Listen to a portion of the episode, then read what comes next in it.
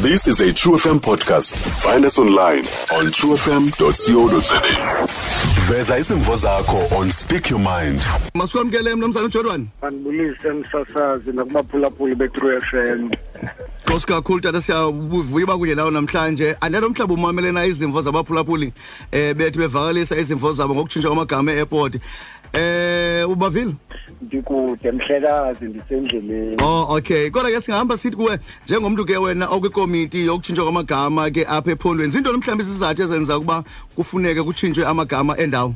Um msasazi enye yezinto endicinga uba ibalulekile ngokwemeko yalapha emzantsi afrika mm.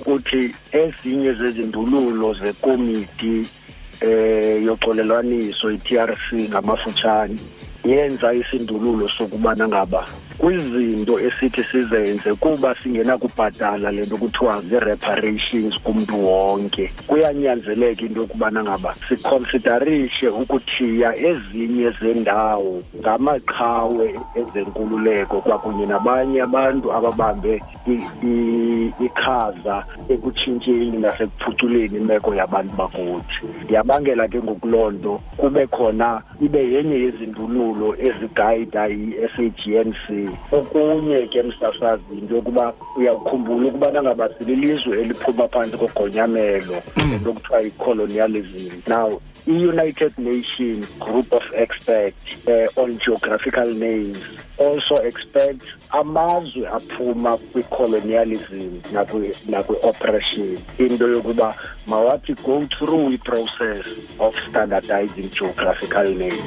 Okay eh kuba ibi-process edeliberate ukuba iindawo zithiywe ngabanye abantu abasuka kwezinye iindawo. Okay. Eh umhlambi ku- kubantu ke abanezimvo zento yobana njengoba nixakekile nje niququzela lo mcimbi okutshintshwa kwamagama kwe-airport nezinye indawo ezibalulekileyo apha mhlawumbi eh, eMzantsi Afrika bathi abanye man urhulumente inkcitha xesha le nenkcitha nencitha mali ngoba zininzi ezibalulekileyo efamasi yazenza kunale bayenzayo. Ungathini kubo? Um msasazi lo mbuzo mhlawumbi ndingawuphendula ngombuzo uthi ingaba ungathatha ubeke ixabiso lithini na kwingcinezelo ethathe ixesha elingaphezulu kwamakhulu amathathu amawaka? Now awukwazi ubeka iprice yokuthi uthi restore idignity yabantu. And kune kune perception wena msasazi ethi mali sisebenzisa imali.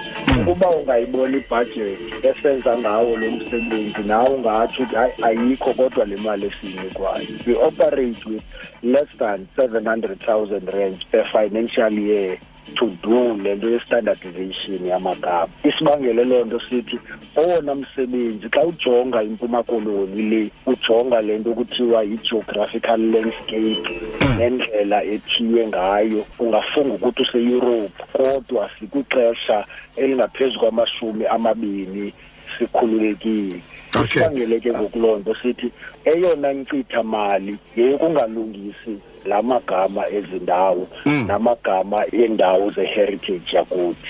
Eh, mnumzana Jodwana phambano kuye kuhambe. Eh siyazi into yoba kwamagama avezwayo into yobana i-airport yase yaseBhayi East London Kimberley njalo njalo eh ne-Cape Town zezinye zikhulu nqwelomoya ntaka ekuthiwa mhlawumbi kufuneka zitshintshiwe nazo. Kodwa kho le phambili eh i- i- i-Cape Town. Eh kutheni i-contestwa kangaka nje indaba ye- ye-airport yase-Cape Town? Eh hayi msasazi mhlawumbi ke kuba yona iyeyokuqala ukuphuma ezindabeni.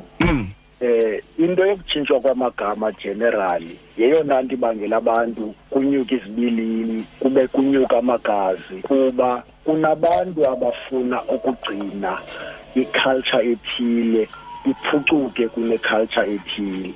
Ibangele ke ngokuloo nto kubekho abantu abazibona bona bezizithethi ngakumbi zokukhusela amagama akhoyo kwakunye namagama abawafunayo abacinga ukuba ngamagama ekumele uba kuthiywa ngawo izinto okay.